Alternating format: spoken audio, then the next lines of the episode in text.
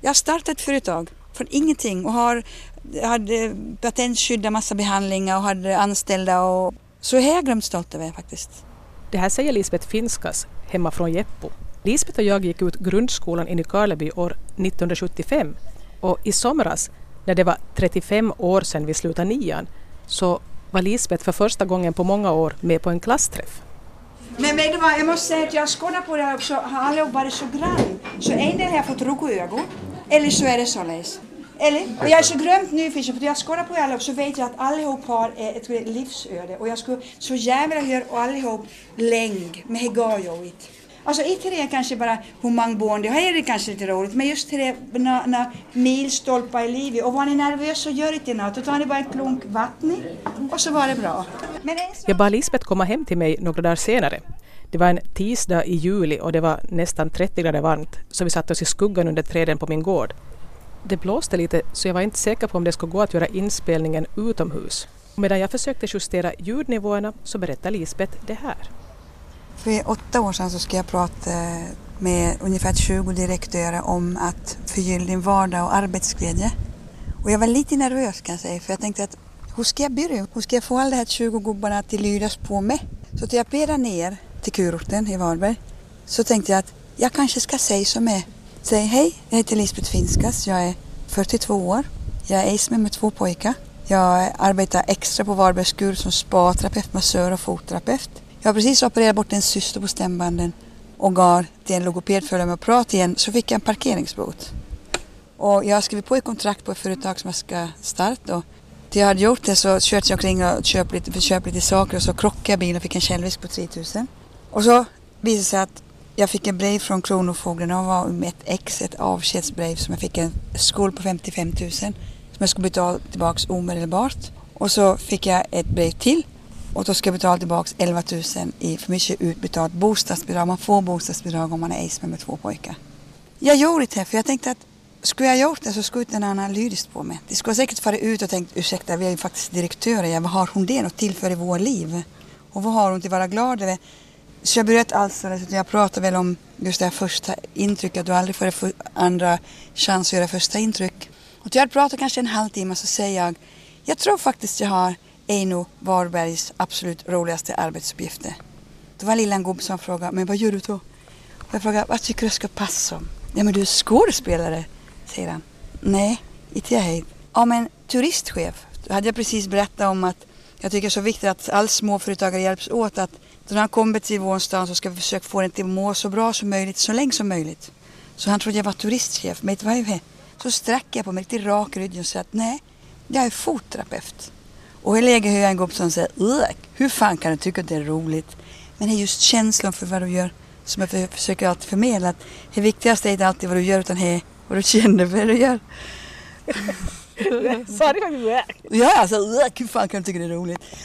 Vi tycks ju redan ha kommit igång så vi bestämmer oss för att göra inspelningen utomhus. I och med att jag skilde mig så vidareutbildade jag mig till fotterapeut, medicinsk fotterapeut och jag träffade oerhört mycket folk. Och nu så det 11 år bakåt så har jag konstaterat att jag tror det är därför jag skulle vara fotterapeut för att just lära mig hur Ades öde. Hela alla de här möten som jag verkligen brinner för. Att jag tror att det är ju ofta upp, upp till oss själva vad vi gör och alla möten som vi får vara med om varenda dag. För det som jag tänker Ann-Sofie, att just att du träffar din karl, då du var där du var, då du träffade han, så var det ett liv så det Skulle du vara någon annanstans eller om inte skulle varit där skulle du ha fått ett helt annat typ av liv. Jag vet. Och hela tiden så. Och så, så att att ju all möte vi har varenda dag så är så spännande. Och jag tror att, jag hävdar att det är fyra olika perioder på dygnet som avgör hur man mår resten av dagen egentligen.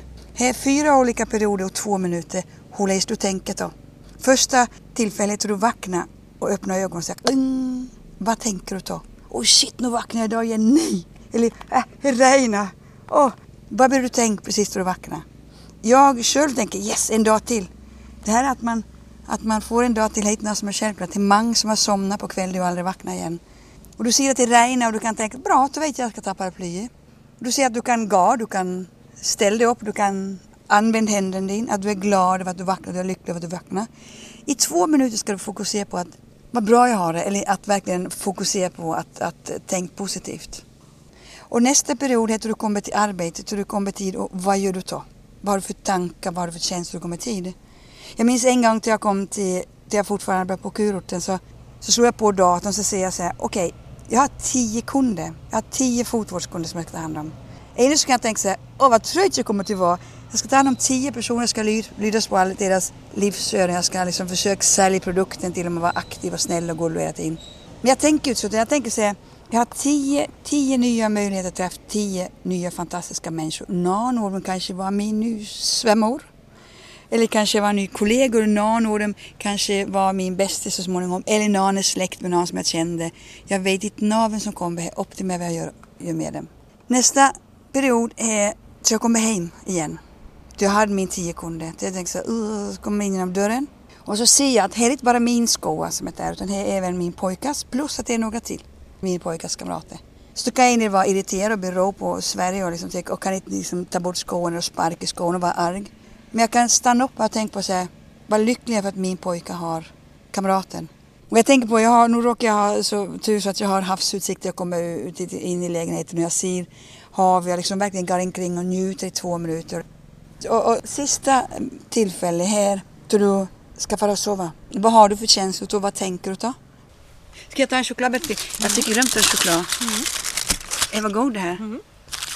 Där jag bor så finns det ett, ett tågbana som går rakt genom stan. Och bomman går ju ner till tågen kommer självklart och det blinkar allt möjligt. Och häromdagen så hade jag ganska bråttom. Jag skulle vara och träffa en flicka klockan tio och jag, jag var inte sen men jag, liksom, jag var ute i någon sån här bra tid. Så går en bom ner och så står jag där med pedin och så tänker jag så här, nu har jag ett val igen. Endera så kan jag sitta och ret mig på att tåget har kommit eller så kan jag bara stanna upp och njuta. Och till jag bestämmer för att nej, jag ska stanna upp och njuta så såg jag massa saker som jag aldrig sett förr. Så jag tänkte att egentligen så ska bomman bogga ner ibland bara för att vi ska stanna upp och se vad vi har omkring oss. Alltså jag, jag har ju perat där, jag har bott där i Varberg i, i 86 och jag har stannat där många gånger men jag såg flera saker som jag hade sett för. Tack vare att jag var aktiv i rollen att njuta och att bommen hade gått ner. Så jag tror att ibland så händer det saker som vi, som vi inte hade räknat med och så, så får man försöka vända till någonting bra. Det här är för övrigt inte det första samtalsprogrammet jag gör med Lisbeth Finskas. Jag gjorde ett för ganska många år sedan och då i juli när vi träffades så var vi båda lite osäkra på vilket år det egentligen var. Men vi kom på att det borde ha varit för ungefär tio år sedan. För jag tror att jag har precis varit medicinsk fotterapeut. Ja, jag, jag tror att du pratar om det. Jag tror det. Inte har du börjat med något företag då än? Nej. Jag kan säga att sen vi skildes på nian så är min pappa död. Och jag skulle egentligen gå på idrottsgymnasiet i Vörå. Det var ju det jag skulle göra. Men jag ville ta i sabbatsår med att eh, pappa död så förändras allting ganska mycket hem. Så istället för gymnasiet så blev det ett år i husmodersskola? Och sen fick jag en rekommendation att fara till Genève i Schweiz och jag visste ju knappt vad det var. Jag kunde inte fransk och inte alls. Men, men jag tackade ja och då var jag med finska ambassadören där i två år och hade en pojkvän som kunde bara fransk. Så lärde jag mig faktiskt fransk. Och så arbetade jag på ålderdomshemmet här i Nykabi som kökso. Då ska jag börja på eh, handelsskolan i eh, Ekenäs, en internationell handelsskola för att jag ska exportera och importera. Och så gick jag där med vantrivs för jag saknade Schweiz så jag for till franska ambassaden och frågade har ni någon skola i närheten av Genève? Kan man flytta till Schweiz med samma? Nu jag inte vilja avslöja att, att jag saknar. Jag var lite tuff. Man är ju som tuff som eh, tonåring och ska inte avslöja att man saknar någon så Utan jag for till, till Grenoble och så ringde jag upp Pierre Allen och så var det Tantana. Han hade flyttat till Spanien. Men jag hittade en ny fria. Det var inte så svårt när man var i han åldern. Och jag hade varit där så kom jag hem igen till Finland och så visade jag att min broder Henrik hade, hade gifta sig och, och mitt i alltihop kände jag att nej, jag har inte någonstans att bo. Och jag var allihop tog emot mig med öppna armar och de var så snälla och vänliga. Jag var inte alls, men jag var inte känslor som jag fick. Så då får jag till Stockholm och så läste jag på komvux där, ekonomisk språklinje. Och så Samtidigt så arbetade jag som croupier och servitris och bartender och lärt mig otroligt mycket med att hantera folk och se att det är inte alltid som har finast kläder som har mest pengar eller de som har sämsta kläder är sämsta kunder utan här är helt andra saker som avgör vad man ska tycka och tänka om folk och hur det uppför sig. Jag var sjukskriven tid och så utbildade jag mig till massör. Brände du ut det tidigt eller var det Nej, jag var knä. Jag, jag sprang för mycket och, och, och sådär. Och så, sen så när jag var sjukskriven så tänkte jag att jag ska vara Stockholms bästa restaurangmassör. hotell och restaurangmassör. För jag såg att behovet fanns och pengar finns då. Allt som arbetade på restaurangen hade mycket pengar. Så jag vart det men så tänkte jag att nej, jag måste nog vara zonterapeut då. För då kan du som bot saken på ännu bättre sätt. Jag hade egentligen några pengar med att jag var sjukskriven. Men eh, jag tänkte att är det mer något jag ska göra här så var det så. Så jag anmälde mig och så säger jag till kompisarna att det var champagne på lördag för jag tippar Lotto. Jag vet inte om du har sagt det någon gång men ibland så tippar man ju Lotto för att vinna. Ibland så tippar man bara för att liksom, få in pengar till spelbolagen. Men ja, hon gången så tippade jag för att jag skulle vinna kursen som kostar 6500 och champagne. Så vann jag 6900 precis en flaska champagne och kursen. Så jag var zonterapeut och började arbeta med och massage samtidigt som jag arbetade på krogen. Och så tänker jag att endera så ska jag ha eget inom restaurangbranschen eller så inom spavärlden då. Och så hamnade vi i Varberg och jag och en annan flicka arrenderade värdshus där med 17 rym och fullständig rättighet så hade restaurang med 70 platser och grymt spännande. Och för den som inte är jätteduktig på Sveriges geografi så kan jag säga att Varberg finns 70 kilometer söder om Göteborg, vid kusten. Till jag hade gjort det så hittade jag en kar som hade Varbergs Sommarland och han och jag drev det. Och, och det var massa restauranger och som är Sommarland, ganska stor park. Och eh, så fick vi barn och så fick vi barn till och han såg Sommarland och liksom var ett liv i, i, i fantastiskt på många sätt och man säger att det var ekonomiskt eh, grymt lönsamt för mig. Men var han en som hade blivit rik snabbt eller var han nej, född rik? Eller? Nej, nej, han hade, han hade en livsmedelsaffär och så sålde han här och så, så, så, så Sommarland så tjänade vi ganska bra pengar på. Men det var inte det utan det var aktier som man tjänade mest pengar på. Så att från en dag till en annan så tjänade han ganska många hundratusen och miljoner vart det sa han. Och det här förändrar ju hans eh, lite tror jag. Så att eh, det här gör att eh, vi skiljer oss faktiskt. Eh, jag ska inte, nej, vi var inte gifta. Vi var bara sambo. Och han, han var psykopat så han eh, eh, var klokare än jag och jag varit ganska knäckt så att jag, jag lämnade i princip allting. Så jag började om från början i en lägenhet, en hyreslägenhet.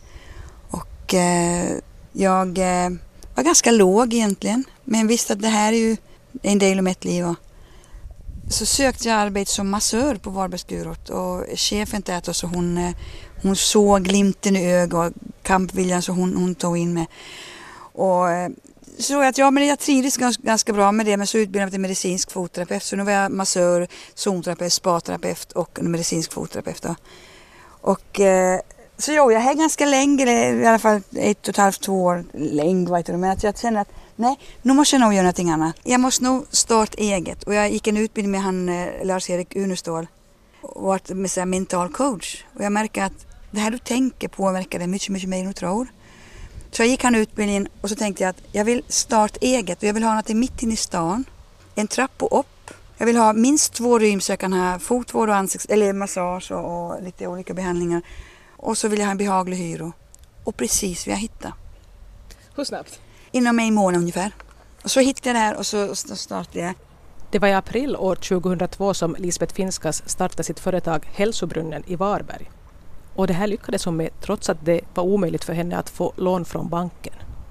Men i alla fall så, så har jag haft det i åtta år. Jag startade och 2002 så var jag årets kvinnliga företagare i Halland. Och henne som jag brukar tänka på lite nu och jag är grymt stolt över för att här är någonting som man bara var och man tyckte att men vilken tur du hade Lisbeth. Men här är inte bara tur, det är faktiskt eh, ganska hårt arbete, målmedvetet arbete bakom. Jag har svettats många gånger.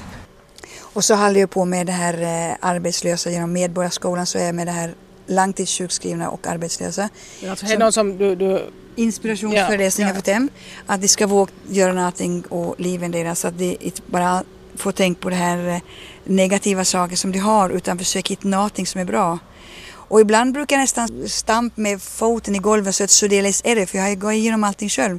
Det är inte något som jag hittar på utan det är ganska trovärdigt och jag har fått många, många reaktioner till som har varit lyrisk på mig att säga att ja, du fick mig till start det här och jag har fått liksom kort och mejl och brev och, och, och många tanter och farbröder som har vågat göra någonting tack vare att jag har en gång gjort någonting. Men jag kan säga att, att eh, om du skulle ha sagt till mig för tio år sedan att jag var det var jag förra gången. Om du skulle ha sagt att, att jag skulle hålla en föreläsning så skulle inte jag ha gjort det. Mm. För att jag började stamt jag skulle säga mitt namn för mer än tio personer. För vet du vad? Jag tyckte att jag var ganska värdelös. Men så var en av mina kunder som sa sig att som var på, på behandling med mig så sa han så här Lisbeth, du har alldeles för liten publik på Varbergs Kurorts fotvårdsklinik. Så säger jag, vad med de här? Tids nog kommer du att förstå det, sa han. Och i samband med det så, så höll jag på mycket med naturmedel, bland annat aloe vera var en av produkterna som jag använder mycket. Så var det ett företag i Göteborg som ringer åt mig och säger att skulle du kunna tänka dig att ha en föreläsning om aloe vera? Skulle jag ha en föreläsning? Nej. Samtidigt som jag tänker på vad min första mentor sa, Christer Olsson, sa att Lisbeth, du ska alltid göra någonting som du tror du klarar av. För att om du gör det och klarar av det så växer du. Så du ska alltid utmana dig själv och gå alltid samma rulle. Så att han säger så här, skulle du kunna tänka dig att ha en föreläsning om aloe vera? Så säger jag att okej, okay, jag kan göra det. Och det skulle vara kanske fyra veckor framåt. Så ska jag ha en föreläsning om aloe vera i Göteborg. Och jag hade bestämt datum och så pratade jag med honom nästa dag så sa han, hur många var det ungefär? Vi räknar med 250 personer. Och då sa jag, oh, oh nej men då gör det så här. Eh, nej, då blir jag nog backet, kan jag göra det här? Så sa jag att det är för sent att göra någonting. Vi har liksom sagt att vi kommer att göra det. Och för att göra en lång historia kort så gjorde Lisbeth det bästa av situationen och bad om hjälp och goda råd av vänner och bekanta. Jag är grymt nervös. Jag har liksom handsvett, fotsvett, jag har varit på WC säkert fem gånger. Jag har liksom eh, sjuka magar, jag har lösa magar, jag har håla magar om vartannat. Jag är liksom bara otroligt nervös för att jag ska göra något som jag aldrig gjort i hela mitt liv. Och jag hör och de säger så att okej, okay, nu kommer Elisabeth Finska som ska prata om aloe vera. Och jag hör det här som är, är, är som en tonårades. Och så får jag upp och om de skulle ha haft en mikrofon så skulle de ha hört mina. De skulle bara ha hört mitt hjärta så här dunk, dunk, dunk. Jag var så otroligt nervös och jag började med att fälla hela manuset på golvet. Så jag tar upp och så säger jag liksom åt det här som är längst fram att oj, oj, oj, säger jag. Och så tar jag upp det. Och till jag säger någonting åt det här längst fram så ropar han längst bak Vi hör ingenting, prata högre. Och så blir det inte så grönt bra. Men till jag säger där en liten stund och inne i den här pausen så stannar jag och tänker så här. Det här var verkligen skojigt. Det här är precis vad jag ska göra. Och så ska jag hålla en föreläsning eller jag, jag säger att till hon det som är värdinna på Kuroten att om ni vill att jag ska hålla en föreläsning och underhålla gästerna en gång så kan jag göra det. För de har alltid föreläsningar som heter på kvällarna och så kommer tid och har lite olika föreläsningar. Så, så tänker hon så här, vad ska du prata om då liksom? För jag var ju känd som fotterapeut. Och någonstans så är man så högt eh, eh klassificerad för att ha föreläsningar. Då. Så jag lämnar liksom åt sidan. Men en dag så kommer hon in och så säger hon så här, Lisbeth skulle du kunna tänka dig hålla en, eh, underhålla gästerna som du sa? Ja, visst, det kan jag göra. Och jag ska vara där nästa onsdag. Så om en vecka ska jag ha det. Så säger jag, frågar jag henne, vad vill du jag ska prata om? Ja, det får du själv bestämma. Okej, okay. men säg innan fem idag, för jag måste lämna ut de här lapparna så att allihop vet att du kommer. Så jag tänkte att nästa kund som kommer in så ska jag fråga om hjälp. Och nästa kund som kommer in är en kar och så frågar han, om du skulle fara på en föreläsning, jag hände inte säga mer. Han stoppar mig och säger att jag går aldrig på föreläsningar. Det är bara en massa folk som står och svamlar om sina liv. Lev ditt eget liv istället, säger han. Nej men, det är jag som ska ha föreläsningen och jag skulle vilja att du skulle hjälpa mig för jag har tre rubriker och jag skulle vilja att du skulle hjälpa mig med en rubrik på, på min föreläsning. Okej. Okay. Och den första rubriken var självklart aloe vera. Jag vara bara till Dambo, manuset lite grann och ta med en burk så de får prov och så drar jag ut lite mer i pauser och så, så, så ska jag gå en timme. Nej, sa han, aldrig i livet. Jag skulle aldrig få lyras på henne. Okej, okay. nästa rubrik var eftersom jag fotar för massör och spaterapeut så ska jag kunna prata om hur kan du med små, små förändringar göra stor skillnad på din fötter? Det skulle jag kunna prata om en timme. Nej, så jag skulle aldrig få lyras på. Och sista rubriken var Förgyll din vardag. Det ska du prata om, sa han. För vet du vad? Svenskarna, de lever från fredag kväll till söndag kväll. Däremellan är de döda. Och det jag tänkt på många gånger är faktiskt sant. Folk lever mest liksom, åh oh, nu är det fridagskväll, nu, nu, nu ska jag börja leva. Och så söndagskväll, nej! Och så ska jag tillbaka till måndagen. Varför inte göra någonting bra och vardagen? Så jag gör ett eget manus om det här för Gyllene vardag och så ska jag ha föreläsning på egen hand och eget manus och så ungefär 30 personer och så ska jag prata om det här. Och det går ganska bra men längst bak så är det en gubbe som sitter och somnar hela tiden. Han sitter verkligen och nuckar till. Och så vaknar han och så nuckar han till och då händer någonting märkligt i min kropp. Helt plötsligt så är det bara han och jag som håller på med föreläsningen. Jag glömde allt det 28 eller hur många det nu var. Och jag bara fokuserar på den här gubben som har somnat. Och jag liksom stampar i golvet och försöker verkligen aktivera mig. Jag har glömt bra och allihop skrattar. Men inte han. Ibland gör han det, inte så ofta som jag vill. Och då tänkte jag i millen, i den här pausen som jag hade så tänkte nej jag är inte tillräckligt bra. Jag, jag skulle inte borde göra det här egentligen. Men när jag var färdig så klappade allihop händer och jag kände mig grymt hedrad. Och vad som hände var att han gubben kom fram och sa att det här var jävligt bra sa han. Jag somnar ibland men jag somnade för att jag hade kört från Stockholm ner till Göteborg idag, ungefär fem timmars körning. Och så fick jag en behandling, en massage. Och så åt jag middag och jag var grömt trött men allihop sa att nu kommer en livsfilosof. Så jag var så nyfiken på vad du skulle prata om. Det var jävligt bra sa han. Och ursäkta att jag somnade, så fortsätt bara precis det här som jag gjorde.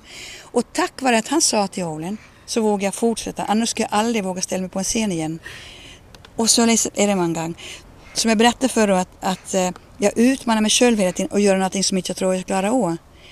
Finns det mycket kvar som du tror att du inte klarar av? Eh, ja, det är lite kvar nu. Om jag säger så, om jag kan inspirera någon till att göra lite, lite annorlunda. Jag vill inte att de ska byta gubbar eller byta arbete. Eller, om inte Hedi vill? Ja, om inte Hedi vill. Men jag märker uppmuntrar inte att göra det. Men jag skulle vilja uppmuntra folk till att göra lite, lite annorlunda som de har tråkigt. Byt buss ibland bara för att se vad som händer. Och byt inställning. Le mot någon som inte, som inte kände. Var lite gulligare mot varandra. Många gånger så är det så att du missundar Ade saker. Och du har aldrig någonting till förlora på att det går bra för Ade. Du har aldrig någonting till förlora på att någon binder på Lotto eller att någon eh, hittar en snygg kar eller rikan kar eller vad det må vara. Tvärtom, att du ska försöka lära dig glädjas med det och om du klarar av det så, så mår du mycket bättre. Här är en, en, en, en sak som jag ofta tänker på. Att försöka glädjas med det. Och så le mot tog som du kände och göra någonting god vardagen. Precis just det här som då bommen går ner, som jag berättade om för. Då bommen går ner, stanna upp och tänk och njut och allt som är grant omkring det. Som vi hörde här tidigare så startade Lisbeth sitt företag år 2002. Men i år har hon sålt det. Jag tror att vi får helt i signalen från kroppen att, att, att vi måste göra en adlis eller på adres sätt. Och i mitt fall så jag skadade foten så jag har precis stälopererat en fot. 3 november 2009 så var jag gipsa i eh, två månader. Och då började jag verkligen tänka på så här, nej, jag måste nog göra någonting annat. Så att jag, jag började tänka så att jag ska nog sälja det här nu och så kom jag in som ville köpa och så sålde jag. Och jag har inte någon aning vad jag ska göra i höst. Jag har ingen aning. Jag har hur mycket som helst att göra men att eh, man måste ju inte försörja sig på något vis. Jag kan eh, hopp hoppa in överallt så jag har fått många förfrågningar. Och det är bara så spännande. Jag är så grymt nyfiken på hur jag ska komma att göra. Eh, jag har patentskyddat några behandlingar, har jag glömt stolt över. Så att jag är ganska långt fram till gäller att, att ta fram nya behandlingar. Så jag vet att här kommer jag att göra i höst, bland annat vidareutveckla eh, behandlingar på olika spaningar. Så här kommer jag att göra delvis. Men jag vet inte hur mycket jag vill arbeta. Så att man arbetar här, så det är. Lätt gjort. Man får bara alltid tänka, är det värt det? Och eh, jag har varit fotterapeut i 11 år och, och, eh, och jag tycker samtidigt det är synd om jag slutar med för att det är många i Varberg som är grymt bekymrade om vad jag eh, ska hitta på och vart det ska börja fara nu men det är inte mitt bekymmer faktiskt. Nej, det är faktiskt här är det. Men innan jag skulle sälja det här så fick jag fara till en kognitiv terapeut. För att det var en av som jag skulle vara lillboende med det här eh, hälsobrunnet, det här som jag byggde upp och så kom jag in till henne och sa att vet du vad, jag tror jag måste börja med att gråta lite. Och så satt jag där och grät och verkligen tänkte så här, ska jag liksom lämna det här? Och så pratade jag med en kanske i två timmar. Så får jag ett an och så kände jag att nej, det är rätt beslut. Jag har gjort det här nu, jag har tillfört hälsobrunna mig nu. Men det konstiga är att mitt i alltihop då folk frågar vad jag gör så var jag lite förvirrad. Mitt i alltihop så vet inte jag vad jag ska liksom associera mig själv till. Jag är liksom någonting mitt i alltihop. Du förlorar lite av din identitet. Ja, just det. Förr så var jag Lisbeth på Hälsobrunn och nu är det liksom... Lisbeth? Ja, men Lisbeth Finskas. Jag såg Hälsobrunn så, så bildade jag nya eh, bolag som heter Lisbeth Finskas AB. Visst var det fyndigt? Inte kan jag ju kalla det för något annat. Vad ska jag kalla det för? Det finns ju säkert så många som heter det. Nej, Mang... var jag. Tror jag. Vi har suttit och pratat ganska länge och jag frågade Lisbeth vad hon själv skulle säga att är det viktigaste hon har lärt sig eller det viktigaste hon har gjort på de senaste tio åren. Att man får aldrig vara rädd att misslyckas. Om man tror på någonting, om du brinner för någonting, så ska man våga göra det. Om du själv tror på det du gör så är det heller någon som tror på det. Och eh, jag ser alltid möjligheten i allting. Och jag tror på att det här som de säger att som du sår så får du skörd. Och jag tror att det verkligen är så. Och helt bokstavligt, måste så lägga ner frö. Men jag tror att Heidna som har fått så mycket som jag har fått på omöjliga, så helt otroliga sätt. Men Heidna som heller gett så mycket som jag är. Jag är otroligt generös. Jag tror att om det är någon som tänker på någon egenskap som jag har så är jag glömt generös. Jag tycker det är liksom roligt att ge saker. Och eller jag kommer saker till många gånger. Och om du verkligen vill någonting så får du det. Men du måste verkligen vilja. Men vad som är viktigast? Ja, nej men självklart är det hälsobron. Jag har startat ett företag från ingenting och har hade patentskyddat massa behandlingar och hade anställda. Och jag är bra och, och, jag är grymt stolt över. Jag är grymt stolt över. Och jag, ibland brukar folk påminna mig om, om det att, att tänk vad du, att, att du startar upp någonting som är så bra. Så är jag grymt stolt över faktiskt. Jo, här är hälsobron. Nu sa jag. Just det. Om, om jag sitter här om tio år igen så, eh, så hoppas jag att jag har fått rädd livet på riktigt mang. Jag skulle tänkt mig till och med till vara volontär som ska få någonstans och, och hjälpa folk. Men jag tror att det är mig folk nu tror som behöver hjälp i ett närområde. Jag tror inte att du måste förändra till, till, till Afrika för hjälp någon. Det kanske inte känns bättre och känns mig så men i Varberg vi har riktigt många hemlösa så att jag har en, en kvinna som Elke Textor heter hon som håller på med eh, hemlösa. Så att jag, jag ska hjälpa henne lite faktiskt då. Backa lite åt dem eller hjälpa dem lite eller vara där med dem någon kväll. Det här med att vara snäll, det tycker jag är viktigt. Vid ett tillfälle var det. Det är bara så. Helt någon gång så att allihop är på topp samtidigt. Lisbeth tycks ju ha en mycket positiv inställning till livet. Så jag frågar henne om det är någonting hon har läst sig till eller om hon bara är sån. Nej, jag, jag, jag, jag har ju mamma, Hjördis. Så det är Hjördis som ligger bakom allt? Hela hon har bara bakom alltihop. Hennes eh, livsfilosofi har nog gått över på oss boende tror jag. Och, eh, men det är ju så att här föds vi och hit ska vi. Vi ska ju allihop, det är ju mål är ju till dö. Liksom, det är ju nästan så. Det är ju bara en vi vet. Det är vi vet. Och därför tycker jag att det är mitt ansvar att jag gör någonting bra och jag kan inte skylla på att jag har dåliga gener, liksom fattiga föräldrar eller att jag har som dåliga grannar, dålig utbildning. Bullshit säger jag bara. Det är bara att ta tag i det som du har och så gör någonting bra bra år. Hur jag än gör så finns det alltid någon som är yngre än jag, som har bättre arbete, som har mer pengar, som har större hus, som har fler katter, som har fler barn eller mindre barn. Men det här är mitt liv och det är min uppgift att göra någonting bra år. Jag kan inte skylla på något, att det är kommunens fel, att det regnar för mycket eller för kallt.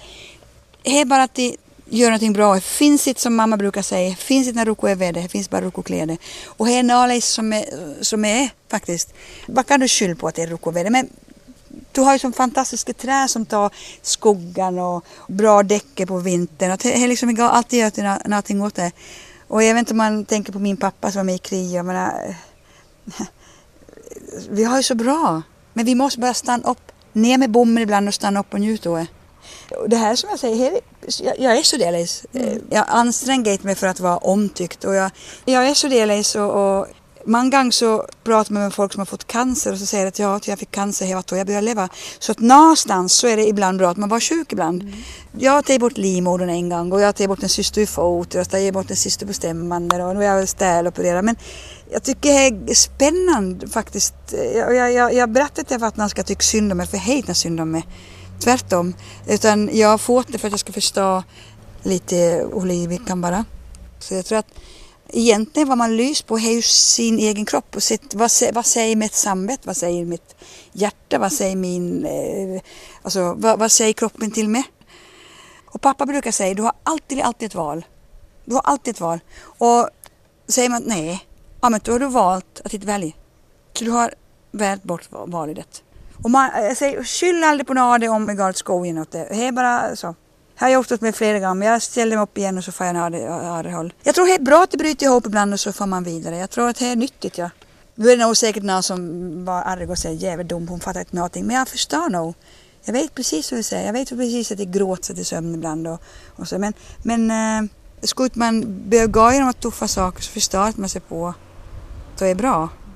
Man får göra någonting bra och vardagen sin. Då du vaknar så ska du tänka sig vad kan jag göra idag för att göra min dag så behaglig som möjligt för mig själv? Och så gör man någonting och här. Och det behöver inte vara några stora saker.